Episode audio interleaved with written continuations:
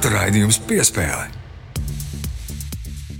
Esiet sveicināti Latvijas radio pirmā kanāla sporta raidījuma piespēle klausītāji kārtējā svētdienā, un eh, nemainīga ir viena lieta pasaulē.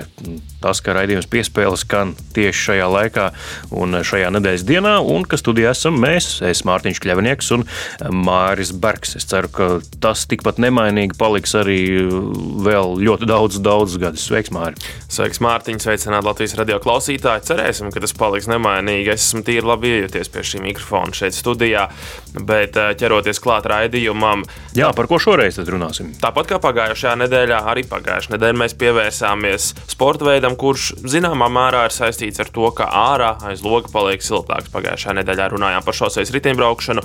Šo raidījumu tad varat noklausīties Latvijas radio arhīvā un arī savās iecienītākajās raidierakstu platformās, bet šajā raidījumā un šajā nedēļā runāsim par vēl vienu sporta veidu, kas kļūst aktuāls ņemot vērā siltākus laikapstākļus, un šis sporta veids ir peldēšana. Šis ir viens temats, ko mēs apspriedīsim šīs dienas raidījumā, lielajā diskusijā ar peldēšanas sporta veidu pārstāvjiem. Dzirdēsim pēc eh, mūsu iknedēļas sporta notikumu topā un pilnā versija, visa šī diskusija pilnā garumā, tad arī raidierakstu vietnēs būs publicēta. Jā, bet tagad ķeramies klāt uh, iknedēļas uh, tradicionālajam segmentam, uh, kuru nekādīgi nevaram izlaist, jo katru nedēļu jauns sporta notikumu virpulis, kuru pieredzam, un uh, sāksim nedēļas spilgtāko notikumu topu šonadēļ ar uh, principā ar to pašu laikam, ar ko sākām pagājušo nedēļu. Ar pirmo formulu tad mēs sacījām, ka tuliņ, tuliņ sāksies mm, Bahreinas eh, lielā balva un eh, ka tuliņ arī sezonies vaļā.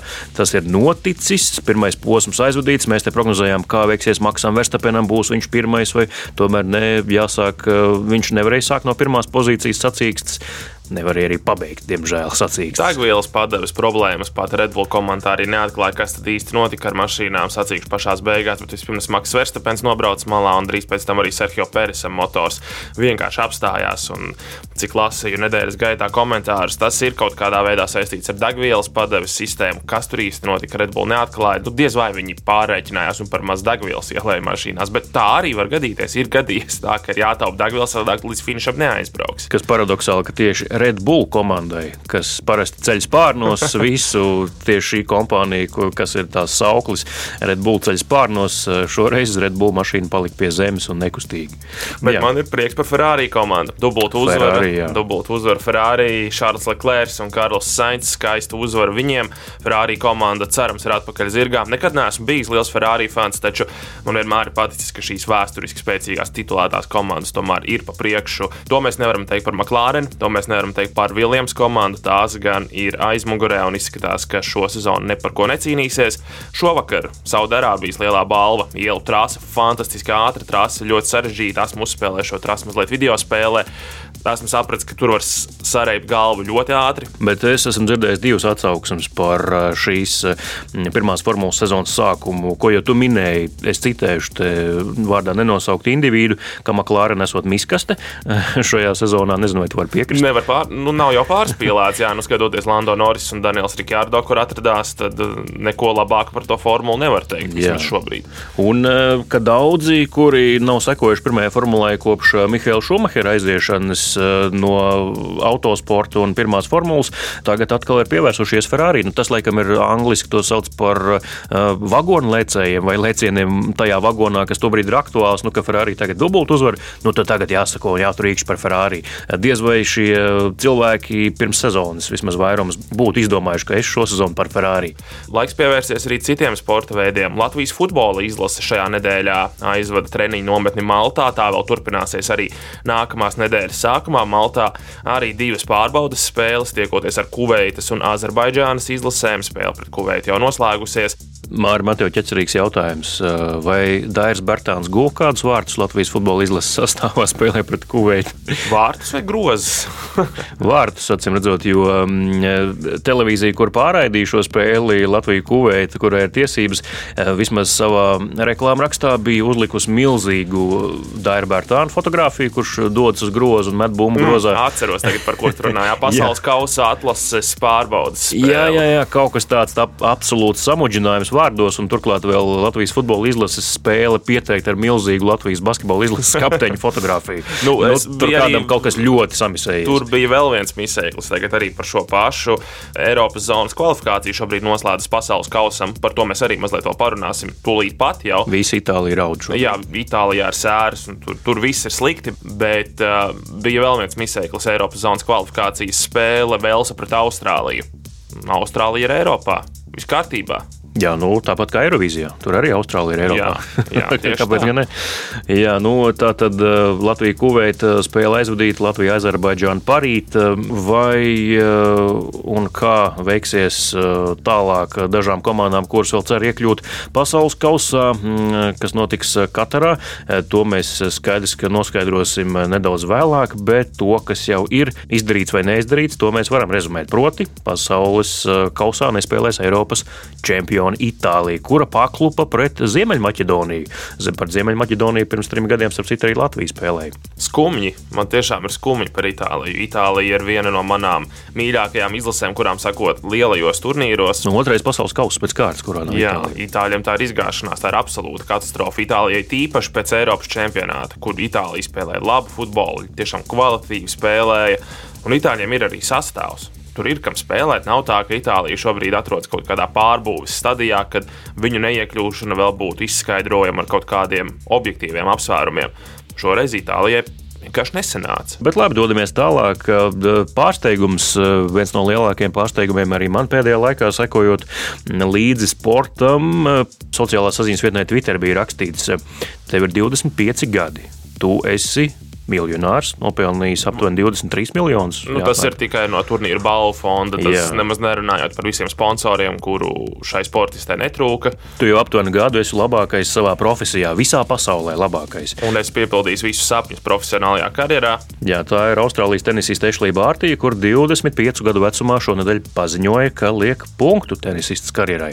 Nu, iemesli var būt dažādi. Daudzi arī pēdējā laikā vispār ne tikai dāmu tenisā, bet vispār sportā runā par psiholoģisko veselību, par to, ka sportistiem ir grūti nu, noturēt sakot, arī tīru galvu. Ja tavs ķermenis vēl strādā, tad prāts ir ļoti noguris jau agrīnā vecumā. Nu, iespējams, Bārtaļai tieši tā arī ir, ka viņa ir nogurusi no psiholoģiskā spiediena, jo viņa ir Austrālijas tenisa lielākā zvaigzne. Austrālijas tenis ar milzīgām vēsturiskām saknēm, ļoti panākumiem bagāts, taču 21. gadsimtā vienīgais tiešām titulētais austrāļu tenisists ir Leitons Hjūits, kurš jau nespēlē jau vairākus gadus, un Hjūita karjera tiešām augstā līmenī beidzās vēl senāk. Līdz ar to Bārtaļai bija visas valsts spiediens uz pleciem, un viņi to sekmīgi arī iznesa. Wimbledonas tituls uzvar mājās Austrālijā Open šajā gadā.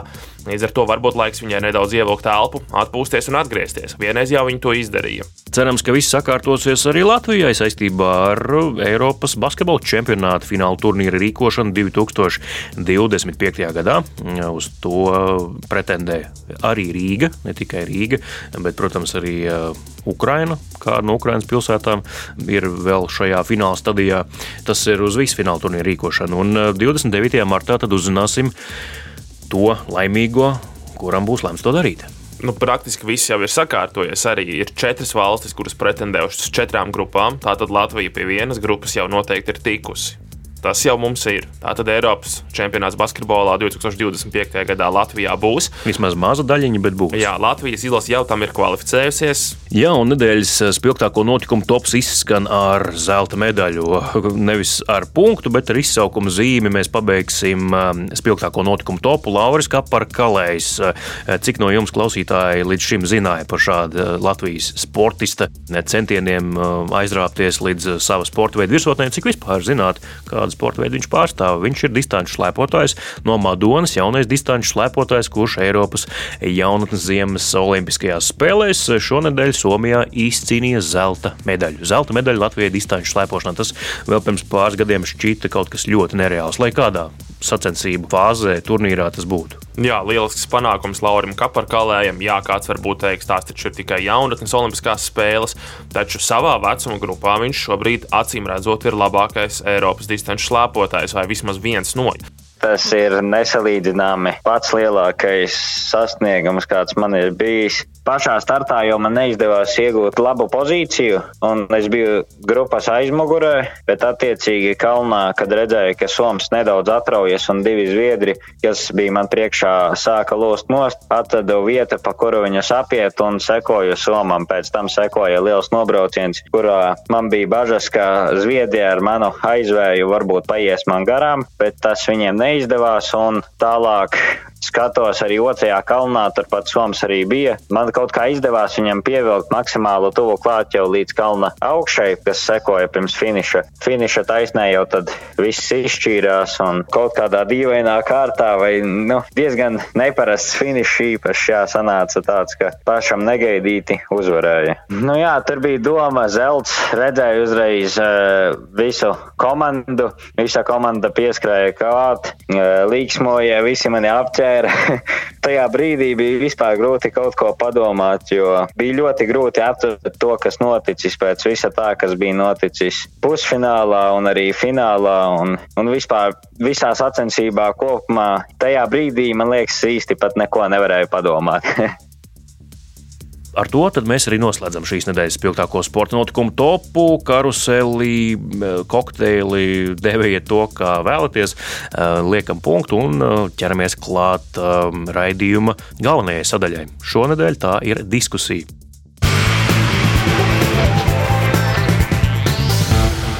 Piespēle!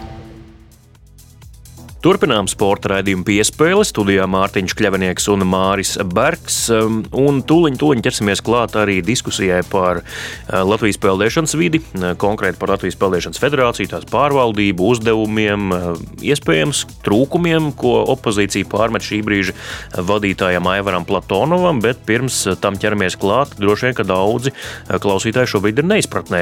Pagaidām, Māri, Mārtiņ, jūs iepriekš teicāt, vismaz pagājušā nedēļā, ka šonadēļ ir tā svētdiena, kad jāskan Gunārs Jākapsona rubrikai. Viņš intervēs cilvēkus par uh, kādu olimpisko organizāciju, par kuru jūs paši neko īsti nemaz nezināt. Tā bija jums jaunums, kur tad ir tā Gunāra saruna. Diemžēl jāsaka, ka nu, pavasars ir pavasaris, un arī Gunāram, diemžēl, ir šādas tādas veselības līkstas.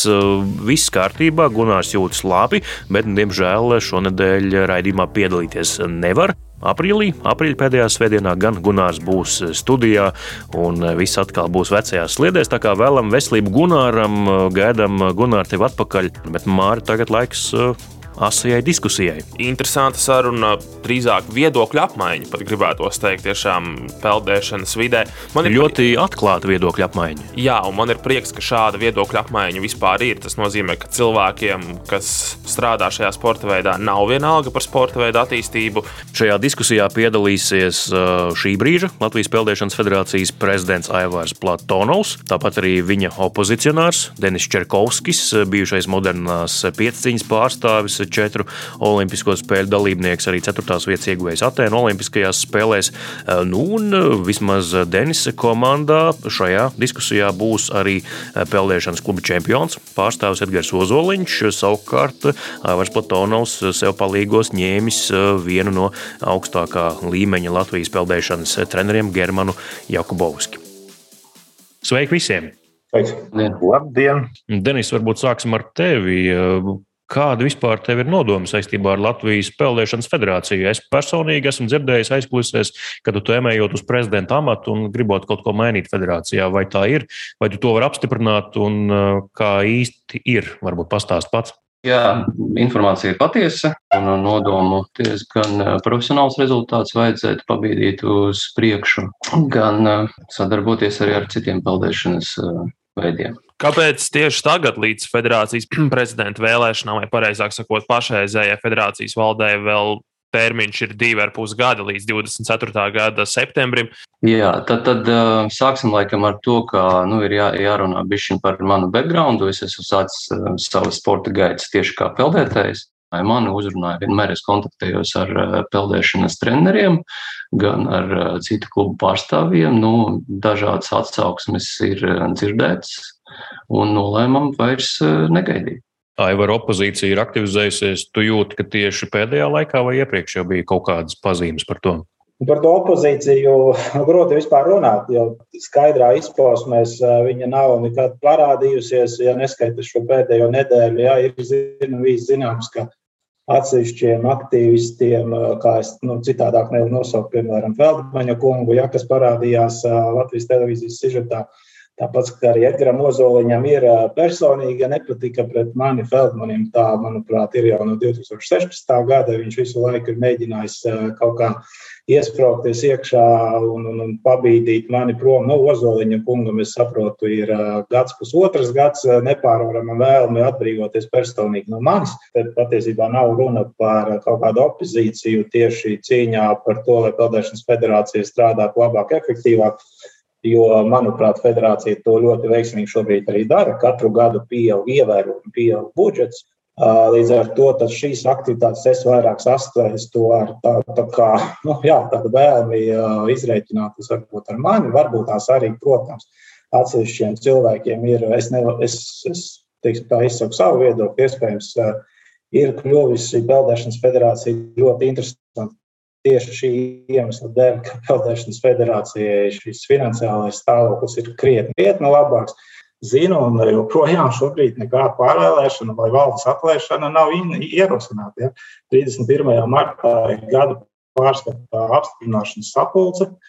Līdz ar to arī nav īsti skaidrs, uz ko tad īsti, nu, man šķiet, ja grib izvirzīt sevi kā prezidenta kandidātu ja, vai kā jaunās valsts loceklis, nu, tad no sākuma jāsāk ar stāstu par to atlaižam valdi. Ja? Un tad eh, visiem biedriem ir vienādas tiesības pieteikt savus prezidenta kandidātus. Ja?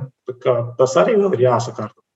Pievērsīsimies eh, Edgars Ozoliņam, kas šeit arī pārstāv tā saucamo opozicionāru nometni. Edgars, kāpēc eh, tagad un ar ko esat neapmierināti? Ja sporta škola, skolas pašvaldības piedarība, ja, viņi saņem atbalstu, kad bija Covid, peldēšanas klubi, e, viņus, viņus neviens neatbalsta. Es domāju, ka vajag e, tādā pašā laikā pacelt biedru naudas. Tas bija pirmais strīdis. 10% no klubiem nevarēja uh, sakārtot savas finanšu saistības pret uh, Peldēšanas federāciju. Mhm. Cita federācija palīdzēja saviem uh, biedriem. Nu, jā, ja mēs sākam par biedru naudu, biedru naudu lēmums par biedru naudu pacelšanu bija pieņemts 20. gadā, bet šis jautājums arī tika, nu, teiksim tā, šobrīd tas, tas strīds bija tāds, vai valdē tas būtu jāpieņem, vai tomēr kopsapulcē. Valdē reaģēja uz šādu pieteikumu, deva kopsapulcei iespēju balsot, vai mums ir jāmaina statūti un jāļauj biedriem noteikt biedru naudas apmēru vai tomēr atstāt valsts kompetenci. Biedru vairākums nobalsoja, ka statūtus grozot nevajag. Otrs, es gribētu teikt, tās biedru naudas apmērs, ja viņš agrāk bija 75 eiro gadā, kas ietver 5 bezmaksas licences, tas bija, bija kopā no visiem biedriem, tie bija apmēram kaut kādi 2000, 3000 eiro. Ja? No 350 tūkstošu budžeta tas ir nu, pilnīgi nekas. Bet otra problēma, ko mēs tomēr arī īpaši uzsvērām pašiem biedriem, biedru naudas apmērs tomēr ir arī nedaudz disciplinējošs elements. Jo federācija, nu, mēs nedzīvojam sociālismā. Ja? Federācija ir biedru organizācija, kurā biedri sapulcējās, lai risinātu kopīgas uzdevumus un sasniegtu kopīgus mērķus. Skaidrs, ka tas kaut ko maksā. Jā, nevis federācija dotē biedrus, vai ne? Vienkārši. Nu, tieši tā, nu, mums mm. nav. Pat, patiesībā, cik ir federācijas, kas dotē savus biedrus, iespējams, tikai futbola federācija, un tas arī viss. Garman, iesaistīsim arī jūs. Jūs esat treneris, kurš trenē arī augstu līmeņa sportistus. Kā jums izskatās federācijas līdzinājās vadības darbība šobrīd? Esmu pārdzīvojis vairākus prezidentus. Esmu bijis pirms Londonas spēlēm un pirms Rio spēlēm uh, treneru komitejas vadītājs. Ja? Un nekad mūžā es nevarēju redzēt uh, reālu summu, uz kuru var pretendēt mana komiteja. Ko mēs treneri redzam tagad. Pēc manām domām, federācija attīstās. Kaut kas arī neapmierināts, bet var redzēt izaugsmu. Mēs jau sākām pieskarties šai elites daļai, elites spēlētājiem, profesionāliem līmenim, augstu līmeņa sportistiem. Denis sarunas sākumā minēja, ka šī ir viena no lietām, kas tevi neapmierina un ko vēlētos mainīt. Pastāstiet sīkāk, kur tu redzi iespējas darīt citādi un kur redzi iespējas izaugsmē šajā jautājumā. Jābūt nedaudz citai pieejai un runājot arī ar vairākiem treneriem. Protams, es piekritīšu arī Germanam teiktam, ka viss notiek. iet uz priekšu. Tas ir tāds personīgs viedoklis, kā apmierina darbs, bet es uzskatu, ka varētu to darbu virzīt bišķiņ citā virzienā, kvalitatīvākā virzienā. Tā kā nu, es redzu profesionālo daļu, kā būtu jāskatās no velta apmācības, tik tikko mums ir pamati. Varbūt tas ir tas, kam var pieķerties, kā pieciņa savulaik pazaudējusi iespēju un saikni mēs pārkvalificējamies tikai uz profesionālu darbību sportistiem, un šādi neuzņemot papildus mums bija treneru paudžu maiņas, un neizauga, diemžēl, jaunie treneri, nebija kam strādāt ar jaunu paudzi, un tā, tā nu mēs esam sarukuši.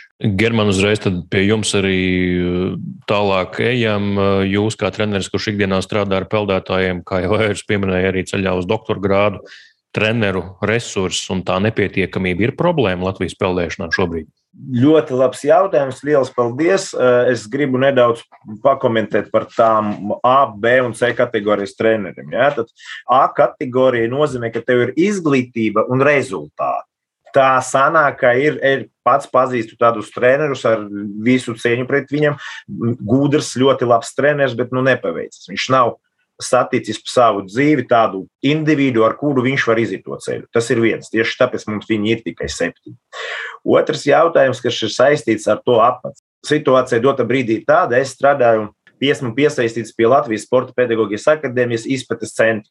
Es vienkārši redzu, ka daudzi cilvēki grib mācīties, ja? bet, kad viņš satiekas ar grūtībām, viņš vienkārši pamet to darīt. Tas arī ir peldēšanas treneris. Uh, var redzēt, ka cilvēks klausās, bet neko neņem no tā, ko viņš klausās. Bija, viens moments bija tāds, ka tiešām treneru bija diezgan maz, bet dotajā brīdī, nu, jā, mēs paņemsim tikai vienu sporta skolu un nav runa par manu klubu, kur es pārstāvu, piemēram, Jurmālas peldēšanas skolā. Dotajā brīdī tur ir vismaz trīs jaunie speciālisti. Bet tad trūkst vai netrūkst to treneru? Varētu būt vairāk, vai trūkst? Mums trūkst baseinu. Protams, ka jo lielāka, lielāka konkurence, jo lielāka augstāks rezultāts. Es domāju, ka baseinus var būt vairāk viena vēl problēma, ka nav speciālistu uh, pašvaldības, reģionus. Apmācību treneriem es neko uh, sliktu nevaru pateikt. Pats galvenais priekš mūsējiem treneriem aizbraukt uz olimpiādu. Tas ir augstākā augstnē, kur viņi var sasniegt šobrīd. Bet tā nav tāpat problēma arī peldētājos. Viņiem jau līdzīgi ir. Sportistiem, gan peldētājiem, gan sportistiem, gan mm. peld, treneriem. Jā. Denis, Denis, tavas domas par, jā, par, par treneriem un to resursu. Tā ir sāpe, kas tevi arī nu, nomoka, domājot par, par to, ko varētu uzlabot. Tad, tad par treneriem viennozīmīgi tā ir sāpe. Rīgas rajonā un Rīgā droši vien treneri ir vairāk nekā gribētos, bet peldēšanas treneri nekad nebūs pamazs, jo ir jāšauj nu, visos virzienos. Par reģioniem, to, ko pieskarās Edgars, es domāju, tā ir ļoti izplatīta problēma, un tas būtu jārisina, un par to arī būtu jārūpējas federācijas līmenī. Tas tā kā to var izsināt? Kā to var izsināt? Nu, mēs nepārcelsim vārdarbīgi teiksim, cilvēku, nepateiksim, tev pēc skolas beigām ir jādzīvo tur. Kā var izsināt? Var, var sastrādāties ar pašvaldībām, atkal ir jābrauc, ir jārunā. Pašvaldībām ir jānāk pretīm ar kaut kādu piedāvājumu. Tas varētu būt vai no nu dzīves vieta, vai no nu papildus kaut kāds atbalsts. Gan no federācijas ir jāmeklē papildus atbalsts, gan no pašvaldībām. Nu, tas, ir, jā, tas ir sarežģīts darbs. Par to, jā. cik man ir zināms, ir papētīts, Helsinkos ir 40 baseini, Tallinā ir 26 baseini. Mums Latvijā ir 33 baseini, no tiem plus 3 baseini, cik man ir zināms, ar garu ūdeni. Un viens no tikai no viens knapi, knapi atbilst standartiem. Lielākā daļa 25 ir vai ne, Aivar? To var papildināt vai palabot. Denis, eh, es nezinu, kurš te konsultē, bet nu, tās ir, es atvainojos, bet tās ir pilnīgi muļķības. Igaunijā. Kas tieši ir pilnīgi muļķības? Igaunijā, visā Igaunijā ir krietni mazāk baseinu nekā Latvijā. Nevis nemaz nerunājot par Tallinu. Ja tu pie baseiniem uzskaiti visas uh, spā vannas, kas ir jūrmalā, Ok, tad arī Latvijā būs pāri simtam. Ja mēs runājam par 25 metru baseiniem, par 50 metru baseiniem, klasiskiem sporta baseiniem, Igaunijā ir tikai viens Tallinā 50 metru baseins un viens startu. Viss, ja nu nav vairāk. Rīgā ir 3,50. Jā. Bet arī par 25 runājot. Igaunijā ir mazāk baseinu nekā Latvijā. Un uh, Norvēģijā ir baseina problēmas, Zviedrijā ir baseina problēma. Baseins ir dārga, sarežģīta infrastruktūra. Protams, jā. Es arī, nu, mēs nevaram cerēt, ka mums katrā stūrī būs pa baseinam, nu, tā kā nezinu, kaut kādos atkal totalitāros režīmos, ja, kur vadonis pasakā, ka jāmāk spēlēt hokeju, tad visur saceļ halas. Nu, tā nebūs. Esam reāli. Ja. Tieši tas pats. Aivar, es arī gribētu pajautāt, kurš tevi konsultē un saka, ka eh, Norvēģijā un Zviedrijā ir problēmas ar basēniem. Pietrūks. Es, es esmu, mēs svārstam, mēs esam kopīgā Ziemeļvalstu federāciju padomē. Mēs katru gadu tiekamies, mums ir kopīgs čats, mēs visu laiku apspriežam baseinu nepietiekamība ir vairumā valstu. Un, ja mēs runājam par ieeju par baseinu, eh, ja mēs ie, ie, par ieeju par baseinu runājam, tad ieeja baseinā ir eh, jebkurā vietā subsidēta un maksimums pa 6 eiro, kā vairāk par 6 eiro. Jā, bet... Nē, Jā, bet Denis atvaino, bet šo nedara federācijas. Ja, tad tu mērķē par zemi. Tev ir jāiet uz saimnu. Un ar pašvaldību droši vien, jā. Par izglītības zinātnes ministru. Es nesaku, ka kurā brīdī, kurā brīdī es izteicos, ka federācija tagad būvēs basēnu. Nē, bet, nu, es neteiktu. Tā kā, kur es mērķē, mērķē pa, pa, pa zemu? Nē, nu šīs par, par to, kur man ir jāmērķē un kur man ir jāiet, Aivar, es pats pieņemšu šo lēmumu. Okay, droši. Bet paldies par, par, par tavu ieteikumu. Protams, ka forši. runājot, tieši tas pats federācijas nevar risināt visus jautājumus. Viņām arī nav jārisina visus jautājumus. Federācijas ko dara jau šobrīd, tā skaitā arī mēs, Latvijas Peldēšanas federācija. Sikuldā ir samērā jauns peldbaseins, samērā jauna sporta skola. Mūsu speciālisti brauc uz turieni, novada šīs eh, praktiskās apmācības, novada lekcijas. Jautājums ir par to sadarbību. Viņa notiek. Tieši tāpatās mēs braucām uz Limbaģiem. Tieši tāpatās mēs tagad aizvedījām nedēļu ilgu Latvijas izlases jauniešu junioru treniņu nometni balvos.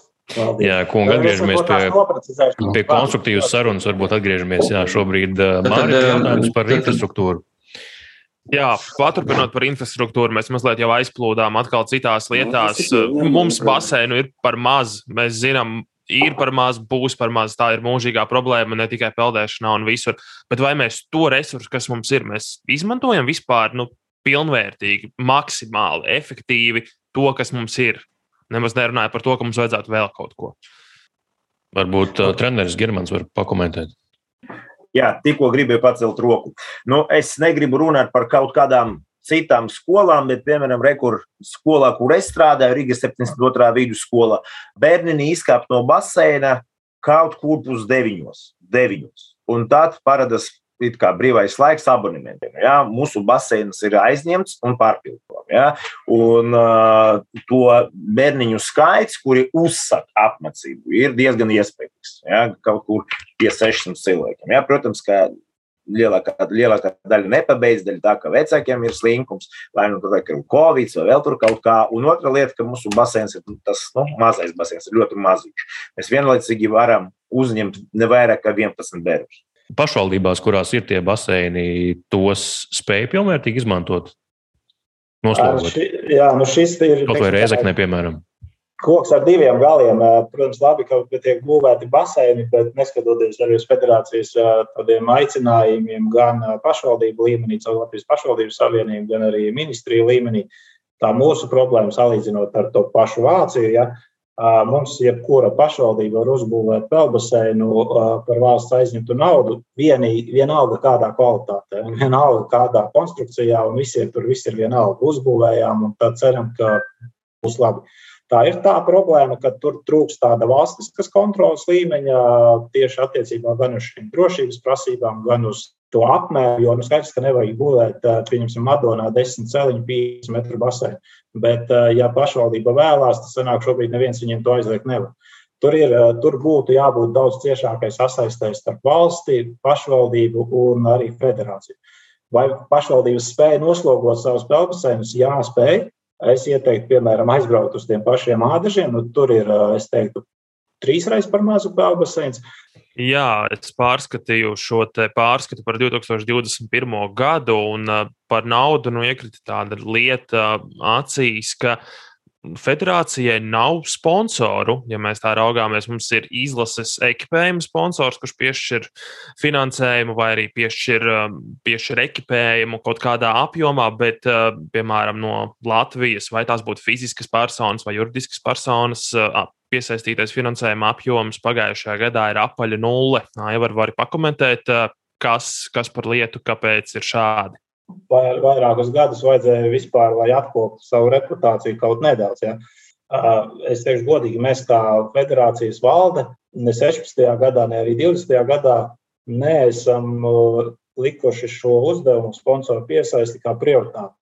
Mēs kā prioritāti esam likuši finansējumu piesaisti tādākos veidos, ņemot vērā, cik mums liels ir administratīvais resurss, kas faktiski ir tikai viens pilna štata darbinieks un viens attālināt, attālināts darbinieks ar, ar minimālu slodzi, tad nu, mums ir jāizvērtē tā savu kapacitāti.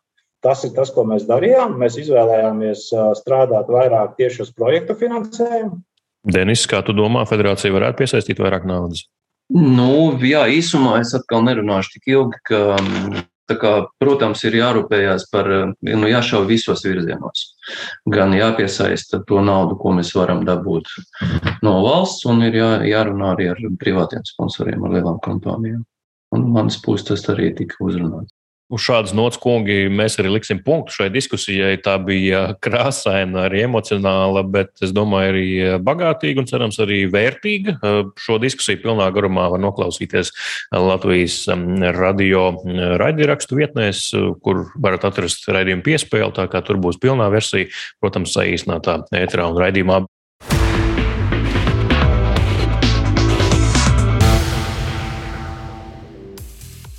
Atgriežamies eh, sporta raidījuma piespēles studijā. Šeit pie mikrofona esmu Mārtiņš Kļavinieks, man pretim eh, arī Māris Barks. Un eh, turpinām raidījumu ar ierasto rubriku, kuru, kā jau parasti, pārstāv mūsu jaunais kolēģis Rēnis. Māri, kur mēs šonadēļ aizsūtījām Rēni? Turpinot mūsu tēmu par peldēšanu, Rēnis devās tepat uz Ķīpseles peldbaseinu, lai iepazītos ar to, kā tad notiek peldēšanas treniņi, kā tas viss izskatās, kā tas izklausās. Kas lācītim vēderā? Nākam stājamies pie trešā celiņa. Klausamies, kāds mums pirmais uzdevums. Tātad mēs peldam 200 metri, 200. Pirmais simtiņš mums iet sāniski. Ja? Turp kreisais sāns, labā rociņa mums ir gara priekšā. Nē, kreisā roka, jā, kreisā ar skatu tur aus guļ uz ūdens, jā, un sāniski peldam. Ņem dēlīti, dēlīts kreisajā rokā, aiziet.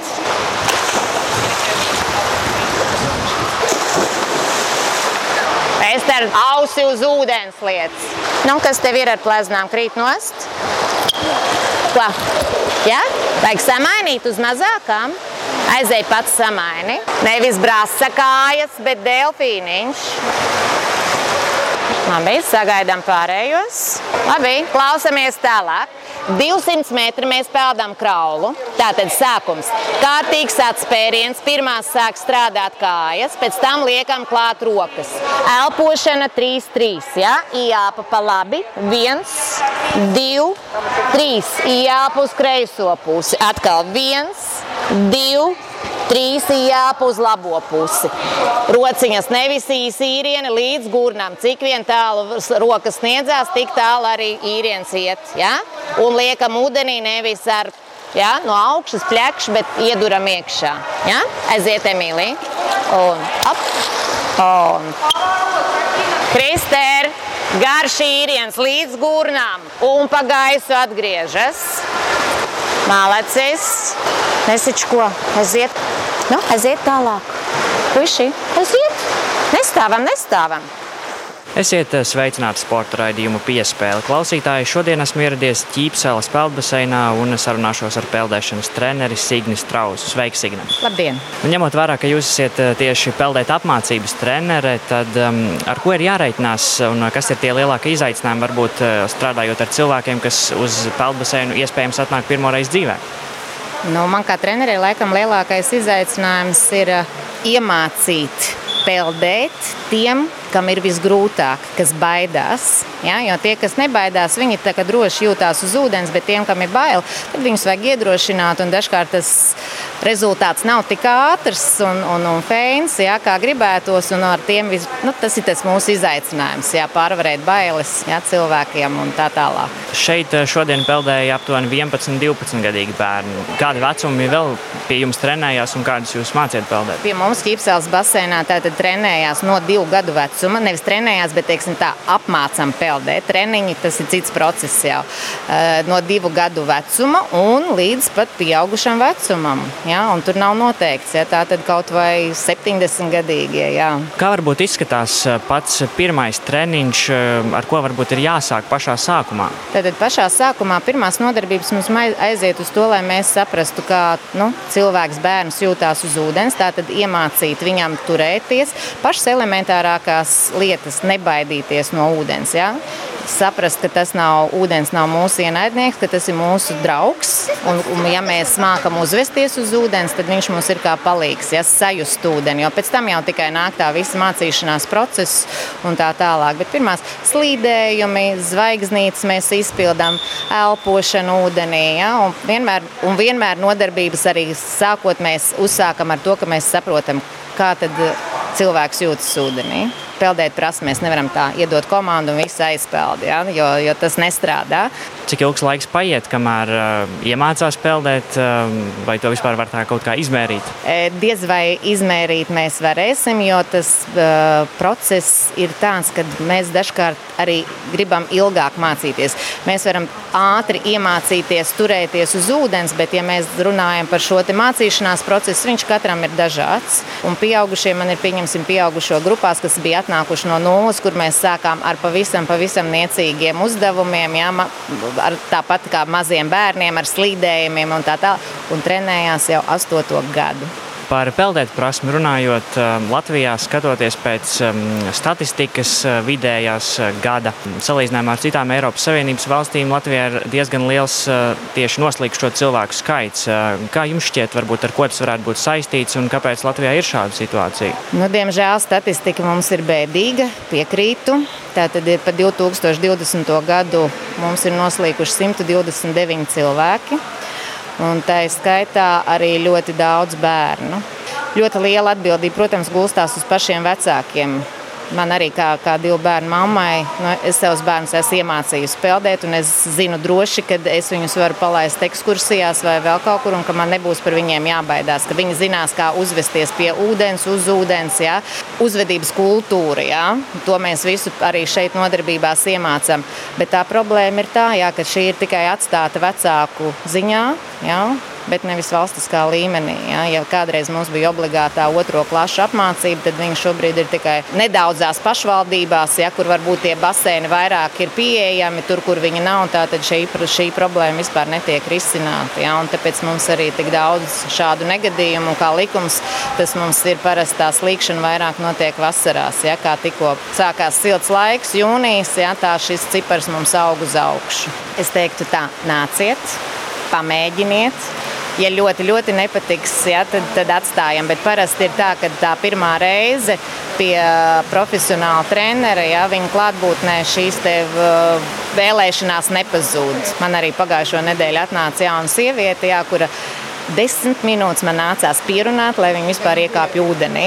Un pēc tam, kad viņa pabeidza nodarbību, viņa teica, ka viņa nekad mūžā tik daudz nav peldējusi. Un ar prieku, ar smaidu uz lūpām, jā, aizgāja uz mājām un sarunājām nākamo tikšanos. Piespēle.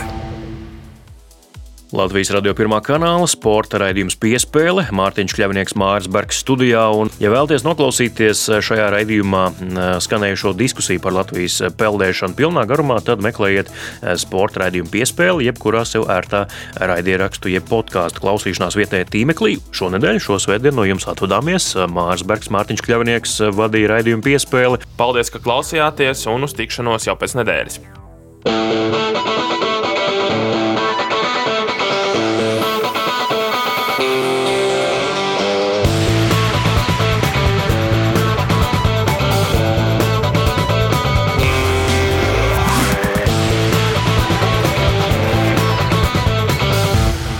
Sporta raidījums piespēlē.